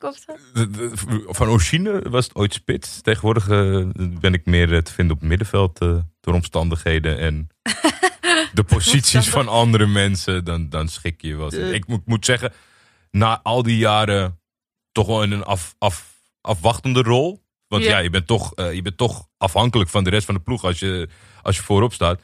Vind ik het betrokken zijn in het spel wel echt superleuk. De afgelopen, ik doe het nu een jaar anderhalf geregeld. Ik, ik vind dat zoveel leuk. Ik weet niet wat jouw positie was. Ja, middenveld ook. Ja, Ja. ja. dat, je- eigenlijk gaat alles via jou. En dat Je hebt een beetje de Rooney-route gedaan. vind ik prettig, want dat past veel meer beter me eigenlijk. Ja. Veel beter. Volgens mij had Rooney ook een interview waarin hij zei dat hij, eh, dat hij middenveld... Ja, maar ik kan me eh, dat echt voorstellen. Want je bent, het is altijd afhankelijk of je of wordt de diepte ingestuurd... of je krijgt hem in je voeten. En dan moet je er of wat wonderlijks mee doen... of afgeven aan iemand anders. Ja, Het is een hele dienende rol eigenlijk, spits. En het is ook nog moeilijk. ja. Kijk, beter op middenveld. Ja, heb je het hele spel voor je. Lijkt mij, of het lijkt mij altijd heel lastig aan eh, aanvallers zijn. Dat je dus wel heel veel tijd hebt om na te denken. Zeker. Want je staat maar balletjes te wachten. En dat heb ik soms als ik dan eventjes toch voor sta. Dan komt die bal. Dan denk je, wat een nerd ben ik als ik die bal nu niet goed aanneem. Nou, dan raak je hem dus Dan kut. raak je hem kwijt. Ja, Eh, terwijl dat, dat is wel iets wat mij dan in leven houdt op het middenveld. Dat je gewoon zoveel eh, ballen krijgt aangespeeld. Dat je gewoon niet meer echt tijd hebt om na te Ja. denken. Ja, Maar wacht ook- even, moeten, moeten we deze Ja, gedachte wacht nog heel even. even afmaken? Want je, we, Ja. we, zijn, we, we- gingen het plotseling over? Jordi's positie hebben. Ja. Nou, maar dat jij, jij bent op een gegeven moment van de, van, van de jongensteams naar de vrouwenteams Oh gegaan. ja. Ja, ja, wacht. Dus bij breed. jongens, ja, eh, bleven er gewoon altijd mensen scheid hebben. Ja. Ongeacht wat de coach zei. En ja, dat weet niet wat die coaches daarvan zouden zeggen. Maar wat mij betreft, dat is, dat is broodnodig in een team. Dat er ook mensen gewoon hun Ja. eigen gedachten blijven volgen. Maar het viel mij op. Kijk, misschien heeft het ook mee te maken dat, weet je, dat KNVB-selectieteams zijn. Iedereen is een beetje zenuwachtig. Maar dat, dat iedereen zich volkomen schikte naar wat er dus werd gesuggereerd door de coach en die assistentcoach en al die types. En dat wat er werd gesuggereerd vaak iets heel lafs was. Dus wat ik ook in die columns zeg van, van nooit, nooit direct een vrije trap nemen. Ik bedoel, als je een vrije trap op de, op de rand van de 16 moet je gewoon schieten. Maar ook, ook dat soort dingen werden afgeraden. Ja. En dat, nou ja, ik, ik denk... Om de mislukking maar uit te sluiten. Toch? Zo ja, maar ik denk ik, dat daar een, eh, een groter maatschappelijk, eh, maatschappelijke tendens in te zien valt. Nou ja, ik denk dat dat, dat, dat noem ik daar ook vrouwen gewoon meer wordt aange, worden aangemoedigd om dingen niet fout te doen. Ja. En er eh, bij jongens, nou ja, daar gaat het ook wel vaker over, maar gewoon jonge, jonge jongens op de basisschool, wat vaker wordt gezegd, nou ja, probeer maar. En dat is toch wel, eh, eh, denk ik, cruciaal, ook in sport, dat je dat probeer maar. Of je nou Champions League speelt of derde divisie, dat je, of derde klasse, dat, dat dat blijft leven. In ieder geval bij een paar spelers, weet Ja. je wel. Dus dat, ehm, maar ik kan niet zeggen dat ik daar echt van ben losgebroken zelf. Want wat ik net al zei, van ik, eh, ik durf op een gegeven moment ook niet meer als ik iets te veel fout doe. eh. Dat durf je niet meer van afstand te schieten. Nee, ja. Toch die tikkies breed. Hoe kijk je dan nu eh, naar de Leeuwinnen? Ja, ik vind het wel lastig. Vind Vind je dat het daar ook te veel gebeurt? Te veel tikkies breed? Eh, nee, dat valt wel mee eigenlijk. In die column prijsje volgens mij ook eh Lieke Martens en, eh en, en Miedema. Die zijn wat meer vrijgevochten, zeg je. Ja, Meer eigen, eigenzinnig. Ik weet niet meer precies welk woord je gebruikt. Ja, nou ja, en, en dat die column eh Vrouwen wees als Slatan heet, dat ging vooral over het feit dat ze zich zo, weet je wel, dan staan die gewoon 90 minuten te strijden op het veld en dan vervolgens beetje als cashiers van Albert Heijn een interview te geven. Dat vond ik heel irritant. dat hij gewoon, weet je wel, zeg gewoon dat je hard komt. Ja. Je bent gewoon Europees kampioen, tweede van de wereld. Ehm, Miedema heeft het wel een beetje, toch? just own it. Ja, ja, ja, ja, ja. Want zij heeft wel, in, volgens mij, in, ook juist in, in Engeland, een paar interviews gegeven. waardoor mensen zeer gecharmeerd eh, van haar zijn. Omdat ze geen enkel blad voor de mond neemt. Zeg maar ook qua. Ze zegt ook alle lelijke woorden gewoon. Ja. Ze vloekt ook gewoon in interviews. Daar genieten ze ook wel van. Ja, Eh, maar zij, zij Dat doet dat gek. Volgens mij wel steeds echt meer. heel veel doelpunten voorbij zien komen, maar geen interview met haar. Ja, nee, dat zou ik ook eens moeten terugzoeken. Nou, ik vind is het toch... wel echt eh, grappig hoe dat gaat. Dat, je, je ziet dat nu gewoon op Twitter voorbij komen. Ik, ik, voetbal, of ik volg heel veel voetbalgerelateerde zaken. En daar is nu gewoon best normaal geworden dat als Miedema een hat maakt of van de donker mooie goal, dat die op Twitter belandt. Dat is super vet. ja. Eerst kon je Ja. die nooit vinden. Never. Nee. Bij een club in ieder geval. Maar, die, jij, Maar- eh, daar word je wel hoopvol van als je dat ziet. Of, Ja, nou, valt ik, ik vind het wel heel lastig om, eh, om dat te zien, omdat ik gewoon met heel veel vooroordelen ben geconfronteerd in mijn leven over vrouwen die voetballen. En als ik iets wil zien, is dat die vooroordelen ontkracht worden. Ja. Maar het is een feit dat, het, dat dat nu niet van het niveau is. Kijk, het, het zal altijd sowieso er waarschijnlijk net iets anders uitzien. Maar ehm, en ik, en ik ben ook volkomen voor de mensen die zeggen: je moet überhaupt niet vergelijken. Maar ehm, ja, ik heb altijd als meisje bij de jongens gespeeld. En als je iets krijgt aangeleerd, is dat je gaat vergelijken. Want mensen zeggen: oh, je bent een, jong- een meisje bij de jongens. Ik bedoel, als je ergens volkomen gestoord wordt van dat verschil, is het als je, jij dus de afwijking bent en iedereen het daarop gaat wijzen. Dus ik vind het soms moeilijk om het te zien, omdat ik, omdat ik wil dat het, dat het nog beter is. En dan, zeg ik, dan denk ik soms, ik wil die, die, die televisie pas over, over 20 jaar aanzetten. Mhm. Omdat ik gewoon net iets te veel mannen in mijn leven heb gehoord die daar zure dingen over zeggen. Ja. Die ik eigenlijk uit mijn hoofd wil zetten. Maar dat, dat, dat gaat wel lastig. Dat heb ik ook bijvoorbeeld op VI. Dan, dan verschijnt inderdaad een stuk, mondjesmaat natuurlijk, maar over bijvoorbeeld Miedema. Dan lees ik het stuk niet, maar dan ga ik wel naar de comment section. Naar die maloten die dan gaan zeggen Ja, dat ja, hun eh, oma beter kan voetballen. Of weet je, dat soort shit. Ja. Eh, Of eh, ja, als ze het in een mannenteam zouden moeten doen, dan. Ja. Maar ik, ik weet niet, ik ben daar heel erg op geënt. Op, op, op, de, op de zure kant. Terwijl gelukkig het, ja, de, de, de, de toon is positief. Ja. Oké. Ja. Ehm, misschien moeten we even kijken. Kijk, we gaan nu gewoon een paar mislukkingen uitkiezen. Ja. En kijken of we daar wat schoonheid in, eh, in kunnen vinden. Is goed. Dus de crisis bij Ajax, mijn reflex is ook uitzetten. Dat is bij jou waarschijnlijk ook zo. Ja. Eh, en om misschien nog een beter voorbeeld te geven van een mislukking, waarbij ik ook onmiddellijk afhaakte, eh, is moment uitschakeling van Ajax in de halve finale van de Champions League tegen Tottenham Hotspur. Dat is ook wel echt, echt een mislukking. Waar ik gewoon. Dit, dit stelt dit idee echt op de proef. Als mensen zeggen, er zit ook schoonheid in een mislukking. Ja. Dit, deze mislukking is gewoon, zorgt gewoon alleen maar voor, eh, voor pijn. En ik zie daar de echte schoonheid niet van in. Nee. Maar ja, ik denk dan in deze twee voorbeelden dat het woord mislukking te zwaar is. Of, of niet. Wat? Of niet, of Ajax niet. in de halve finale Champions League is geen mislukking. Nee, toch? Of, of, of ik heb een an- ander beeld bij het woord. Ik vind als je eh, eh, ver boven maat presteert Ja. en tot een bepaald en ik vind het een mislukking als je de groepsfase niet haalt omdat je wordt uitgeschakeld door een Spartak Praag. Ja. Dan, daar dan is je, dan is je missie dan is je missie gefaald. Zit daar schoonheid in? Eh, Nee, toch? in de hardleersheid? Dat je weer een seizoen niet op tijd je selectie op Weer tijd klaar oh, ja. dat is dat, ja. En weer door een ploeg uit het oosten van Europa. Ja, en die, en die eeuwige, eeuwige zoektocht van de media van hoe dat nou te bestempelen. Ja. Mogen ze niet kleineren? We gaan ook niet doen alsof het heel moeilijk is. Dus we weten het niet. En dan gaat toch ook. Je, je blijft ze ook een klein beetje onderschatten. Kijk, het is. Het, het, het gebeurt wat minder. De Nederlandse clubs, gelukkig de laatste paar seizoenen, zijn iets meer bij de groepsfases en bij de eindrondes betrokken. Ja. Dan, dan strandt het, het schip daar. En daar zitten dan ook wel wat mislukkingen tussen. Maar ja, ik weet niet. Meer als je, als je over een langere periode erop terugkijkt, als het een paar keer is misgegaan, zou ik daar vanuit mijn beoordeling wel wat schoonheid in kunnen vinden. Want er is natuurlijk een hele lange periode geweest waarin geen enkele Nederlandse ploeg zich bijna kwalificeerde. Nee, dat is waar. En er waren honderd excuses voor. Behalve dat het misschien gewoon even niet goed genoeg is. Ja, en misschien zijn we ook, hebben we het, hebben we het ook de hele tijd over wat, wat mislukken eigenlijk betekent. Maar, Maar ja, jullie zijn, jullie zijn goed met taal. Vind je dan het mislukking het juiste woord eh, voor nou, ik Tottenham zat, thuis? ik zat te denken, misschien zouden we ook nog een hele eh, podcast moeten, moeten houden over wat schoonheid eigenlijk betekent. Omdat je dan pas echt, want uiteindelijk zeg maar, het En feit... over Tottenham thuis, Ja. denk ik. Nou ja, maar kijk, het feit dat ik op dat moment dus gewoon onmiddellijk eigenlijk de kroeg uitloop ja. en gewoon op de fiets stap en gewoon wegga. Voor, voor de duidelijkheid, ik heb wel gewoon het tikkie dat, dat later naar me gestuurd is, heb ik wel gewoon betaald. Maar zeg maar, die toch naar huis of zo. Als ik, als ik, als ik als neutrale kijker naar mezelf probeer te kijken in dat moment, dan zie ik daar de schoonheid wel van in. Gewoon dat is blijkbaar eh, ik zo geraakt kan worden door iets wat, waar ik niks mee te maken heb. En dan dus gewoon onmiddellijk naar huis te fietsen ja. om gewoon maar te denken van oké, ik ga gewoon dit onmiddellijk proberen te vergeten.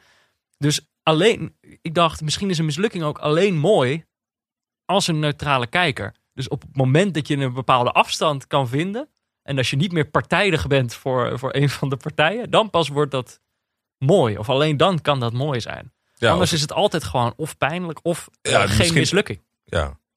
of je moet geen misschien neutraal, maar het tegenovergestelde. Of je moet, het, je moet niet van de, tegen, van de partij die het overkomt houden. Of het tegenovergestelde Ja, precies. van Dus de haat jij is zegt misschien de het supporters Nou ja, genieten van dat Als je, als je kijkt naar het volgende voorbeeld, Paris Saint-Germain, Champions League, er zit enorm veel schoonheid in. Hoe dat keer op keer falikant misgaat. Ja. Maar dat komt omdat ik ze ook helemaal niks gun. Ja. Dat ik daar de schoonheid in weet Nou, te wo- vinden. woensdag moeten ze weer tegen, tegen Dortmund, toch? Ja, en dat zal er geheid wel weer. Kijk naar de uitschakeling vorig seizoen met Manchester United. Met die van richting veranderde bal en die handsbal of zo. ja. Tegen echt een historisch slecht United. Dat het, dus er gaat geheid iets gebeuren. Maar gewoon een club die alleen maar bestaat om de Champions League te winnen, die dat steeds niet lukt. Dat vind ik, daar, zie- daar zie ik wel schoonheid in. Maar Ja, als ik maar voor Paris Saint-Germain was geweest. Ja, of ten, ik denk dat het ook niet zo werkt als wij alle drie ook hadden gehoopt dat het ze zou lukken. Dat we het een mooi initiatief vinden. Dat Nee, Paris. Saint-Germain moet een keer de champion. Dan ga je het ook niet zomaar nu het lacherig is. Nee, dus het kan alleen maar als neutrale kijker. Toch? Ja, of als hater. Als hater, Nou, ja. Ik zou sowieso zeggen, ik denk altijd, het ergste wat er is, is onverschilligheid. Uh-huh. Je zou kunnen zeggen, het lelijkste wat er is, is Neutraal kijken, eigenlijk. Ja, Nee, maar- nee oké, ja, ga door. nou ja, en, en in die zin is Tottenham thuis schoonheid. Dat als ik naga bij mezelf hoeveel pijn dat deed. Ja. En dus hoeveel, dat is dus officieel geen woord, maar verschilligheid daarbij komt kijken, dan, dan zit daar wel iets moois in. Ja, dat denk ik Ja. dus ook. Ja. Maar Ja. neutraal kijken is dus ook geen onverschilligheid. Dit is iets, we moeten iedere aflevering moeten we opnieuw definiëren wat neutraal kijken dan e- eigenlijk is. En 100 afleveringen zijn we er nog steeds niet helemaal uit. Maar het is inderdaad, het is niet onverschilligheid. Je geeft om het, eh, om het spel. Je geeft alleen niet per se om, eh, je geeft om het vermaak. Je geeft niet per se om één van de twee teams. Dat is misschien ook het probleem waarom zo'n mislukking, zeg maar, die kan mooi zijn op het moment dat je dus niet die, niet die partijdigheid hebt. Je hebt nog meer actuele voorbeelden. Ik vroeg gewoon aan Jordi, kan je wat actuele voorbeelden opschrijven? Van mis- kan je wat actuele mislukkingen? Heb jij nog een favoriet ertussen staan? Ik ben dus trouwens bedreigd met een wapen na Tottenham thuis. Wow. Althans, met soort van. De Dat zit alles wel in van een context. wapen. Ja, ik vraag me nu af, die mannen die dat deden, waren dat neutrale kijkers? Eh, Nee, Nee. nee. anders bij deze niet meer. Zijn ze bij deze... eh, ja, dat ze dat aan hun hoofd hadden bedoel je. En dat ze niet ba- ook baalden van Ajax. Ja, ik vraag me af. Dat is gewoon iets waar ik me al langer wat ik me afvraag of zij Ajax hadden gezien, überhaupt. En dus. Nee, ik zat op de fiets terug naar huis en ik was echt. eh, ja, het zat me tot hier. Dan Aha. kan de luisteraar niet zien waar, maar weet waarschijnlijk wel wat ik bedoel. Ja. Eh, en toen werd ik soort van afgesneden. Gewoon gewoon zo'n dingetje in het verkeer in Amsterdam. En eh, als het dan een rode Toyota is, ga je een beetje schreeuwen. Als het een zwarte Mercedes is met geblindeerde ramen, niet. Dat deed ik dit keer wel, Mhm. want het zat me tot hier. En eh, toen begon ik eh, hun moeders uit te schelden. Oh ja. Jij was de tierende mens. Ja, ja, ja. En eh, hun raampje ging omlaag en ik ging gewoon maar door. En toen ging ik voor hun rijden en stak ik mijn middelvinger op. Ik was echt, ik, ik, ik, ik lag er echt af. En toen hebben ze me een soort van klem gereden en me gedwongen mijn excuses aan te bieden. en zeiden ze, ehm, ja, dit verhaal zou dus meer indruk maken met beeld. Maar toen deed die jongen, die deed mijn middelvinger na en die zei, als je nu niet je excuses aanbiedt, dan wordt deze, dus die middelvinger, deze. Waarmee hij het Zo. geweer eh, gebaar nadeed. Mhm. En eh, toen heb ik toch mijn excuses aangeboden. Dus toen nog wel zo gezegd... Sorry als ik jullie eh, gekwetst heb. In plaats van sorry dat ik jullie gekwetst heb. eh, ik zei alleen Wat? sorry. Maar ook dat, dat dat dan is wat ze eisen. Excuses. Ja. Vind ik toch ook wel, het zijn wel, wel heel deftige bedreigingen. Toch? Een soort schooljufbedreiging.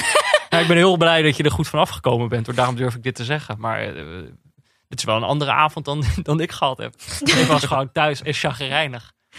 En, Ja. eh, maar jij was dus... eh, dit kwam allemaal even in perspectief. eh.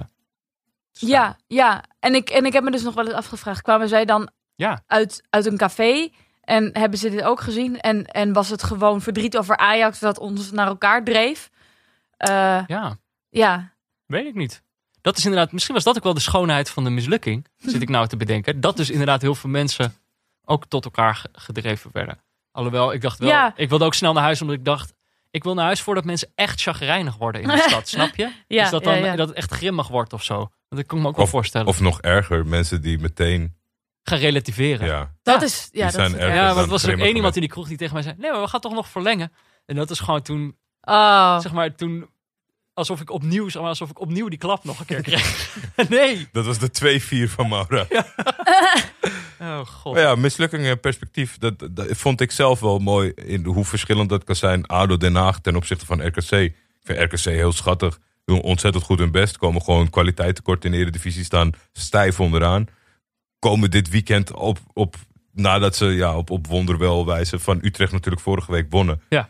Eh, denk je van nou, het begint voor RKC. Dan komen we dan even 2-0 voor. En dan Mhm. merk je ook dat Eigenlijk vindt helemaal niemand het erg. En een paar minuten later, dan als, als Heracles denkt, nou, dat, dat gaat ons niet gebeuren, staat 4-2 in één keer. Ja. Dus dat is allemaal, ja, dat, dat, daar zit geen gevoel bij. Terwijl bij ADO merk je dat, eh, dat mensen het fantastisch vinden. In eerste instantie dat het al heel slecht ging. En dat hun paniekoplossing dan totaal niet werkt met het halen van Pardew. En zeven discutabele spelers. Ja. Die ook nog eens nu spelen ten faveur van spelers die beter worden geacht. Mhm. En dat is een hele lelijke Het is een beetje het eh, Paris Saint-Germain complex uiteindelijk, toch? Dat is grappig. Op het moment dat je dus dat je iets, dat je iets lelijks doet om de, Ja, om de winst binnen te halen en dat het dan niet lukt. Dat is op een of andere manier dan de schoonheid. Eh, terwijl op het moment dat je iets moois doet en het lukt niet, dan is dat toch weer dan is dat zielig of zo. ja. Dus inderdaad, RKC gun je het. Terwijl bij ADO, wil nog wel even zeggen, ik heb dit op een gegeven moment als een soort voorspelling voor 2020 zei ik, dat gaat natuurlijk helemaal in de soep lopen. Daar kijk ik naar uit. En volgens mij was jij toen nog, jij zei toen, eh, Jordi, jij zei, nou joh, nou, wel goed. ik heb een paar keer ook wel op, op- online de discussie gehad. Is dat eh, normaal gesproken zit ik in het kamp dat deze paniek situatie bij ADO, dat je dat altijd uit de weg moet gaan. Je kan beter proberen wel zeg maar een schokeffect met de trainer wissel of wat dan ook, maar hou maar vast aan wat je Niet kent. negen spelers halen. Nee. Nee. Maar ik vond ADO voor de winststop al zo slecht dat ik, Ja. dat ik echt wel begrip kon opbrengen voordat je daar, weet je, ik, ik probeer gewoon elf nieuwe en een nieuwe trainer. Dus Ja. ja, Maar ik moest er toch Het- weer, dat jij, niet, dat jij dat een niet beetje gek dat het niet lukt, maar ik weet nog steeds niet vandaag de dag of ik niet dezelfde beslissing had genomen. Ja. Ik zag helemaal geen heil meer in die andere jongen. Maar ik zei, dat gaat natuurlijk helemaal mis. Toen zei hij, nou ja, pff, eh, hoezo? Terwijl toen zag ik die foto dat die supporters op het veld staan. Met een flipboard. Had je, heb je deze foto gezien? Nee. Dat supporters van ADO het veld op gaan. En die hebben dan een flipboard. Ik weet niet of ze die bij zich hadden of dat hij er al stond of zo. Alsof ze inderdaad wel een soort presentatie gingen geven. Zo van, nou, dit is wat we dus wel van jullie willen. en wat staat er op die flipboard? Dat kan je niet zien. Zijn Je ze eerst bij Pieter en Sam langs geweest. Onder dwang moesten die een goede tactiek verzinnen. Hebben ze hem daarna een Pardew gegeven. Met van die magneetjes erop. Was dat het misschien? Maar toen dacht ik wel van ja, dit is dus wel wat er, wat er gebeurt als het wel helemaal misgaat met hem. Ja, Dat opeens dan een stel hooligans op het veld staan. Om dan te zeggen. jullie- ja je merkt, volgens goed. mij eh, merk, merk je bij sommige clubs dat ze het eigenlijk uit schaamte nu niet meer doen. De bus opwachten. Dat heeft nu iets Niemand lachen. durft dat Nee, meer. niemand durft echt. Het is een goede ontwikkeling. Ik denk dat Hoezo daar, durven mensen dat niet meer? Nou, er worden grapjes over gemaakt. Al op voorhand. Zeg maar, als, als, als dan eh, PSV vier keer heeft verloren, dan is het van... eh, nou, moeten we even op Google Maps kijken hoe laat ze aankomen. Want dan gaan we ze af... Het is iets heel lulligs geworden om... Je, om en ik denk dat die... Er zijn ook een paar keer heel lullige filmpjes van Ja, verschenen. dus ik, ik denk dat die supportersgroepen zoiets hebben van... Ergens wil ik wel... Wil ik wel even schreeuwen tegen een dichte deur? Of door een speler via een raampje? Maar of dan word ik weer in de zeik genomen op tv of op, op social media. Dus dat er een soort van rem is gekomen in het opwachten. Wat goed is hoor. Ja. Het gebeurde te veel op een gegeven moment. Je- maar ja, ja, maar dat vind ik juist mooi. Blijf proberen. Toch steeds die bus weer opwachten. En hopen dat het effect heeft. Dat zou ik het leukste vinden. Ehm, ja, dan zijn we er misschien wel doorheen, toch? Hebben we Ja. misschien wel gehad. Dat kan ook gewoon. Jij moet zo je wedstrijd spelen. Ja. Ehm, ja, kijk, morgenochtend, dan weten we dat natuurlijk al. Maar nu, nu nog niet. Dus het is weer zo'n moment dat je, op het moment dat mensen dit luisteren, weten we de uitslag al. Morgen, morgen een extra voice noise naar jou toesturen om in te voegen met de uitslag. Nee, nee, maar misschien kan je nu nog een heel hoopvolle voorspelling doen. En dan. eh, Nou, ik kom, eh, ze zijn nu tien minuten geleden afgetrapt, dus ik kom in de tweede helft aan. Oh, maar dat had je Oh. al tegen ze gezegd? Of, ja, ja, ja, eh, zeker, zeker, zeker. dat ze nu met z'n tienen staan. Waar is hij? Ja. Nee, dat gaat helemaal goed komen. Dus ik, ik, ik hoop altijd eigenlijk wel als ik de tweede helft moet eh, spelen, dat, ik, dat we achter staan. Mhm. Om dat eigenhandig helemaal om te buigen. Ja, Dan wel met goals, dan wel met assist. afstandsschot hoop ik. Ja, en als dat, ja, als, En hoeveel staan jullie en hoeveel staan zij? ik, ik, leef niet, ik leef niet meer voor deze club. Ik nu. Nee, ik denk dat zij wel eh, derde, vierde staan. Oké. En wij, Arsenal staat altijd vierde. ja, wij zijn zesde, zevende. We zijn enorm gekelderd. Dus het leek een, eh, we waren een goede kant opgeslagen en ineens eh, waren het weer helemaal kwijt. Ehm, maar als we er doorheen zijn, dan kan ik het wel afsluiten, toch? Dan kan jij eh, naar je wedstrijdje toe. Dan mag jij eh, afsluiten. Afsluiten. Oké, dit was eh, Neutrale Kijkers. Mede mogelijk gemaakt door Dag en Nacht Media. En natuurlijk gesponsord door Auto.nl. Heel veel dank aan onze gast van vandaag, Sophie Lakmaker. Graag gedaan. Dankjewel eh dat je hier was. En eh, wil je nog iets kwijt? Wil je nog iets pluggen? Eh, Ba- kun- waar moeten die mensen je volgen? Eh, oh ja, nou ik heb en dus gisteren op Instagram een, eh, had ik een, ehm, ik had een story. mhm. Namelijk dat ik er was achtergekomen dat heel veel mensen heel veel volgers hebben. En ik dus niet. Mhm. Dus Jij wil meer volgers? ik wil meer volgers. Oké, nou dan is de, de opdracht om jou te gaan volgen. Maar wat is je username Wat of is je handle. username? Oké, mijn, mijn soort van hoofdnaam is zo fijn. Fijn. Ja, Dus daar S ga ik ook nog iets aan doen. Ik was Sofia laatst daarin veranderen, maar die was al in, in gebruik. Mhm.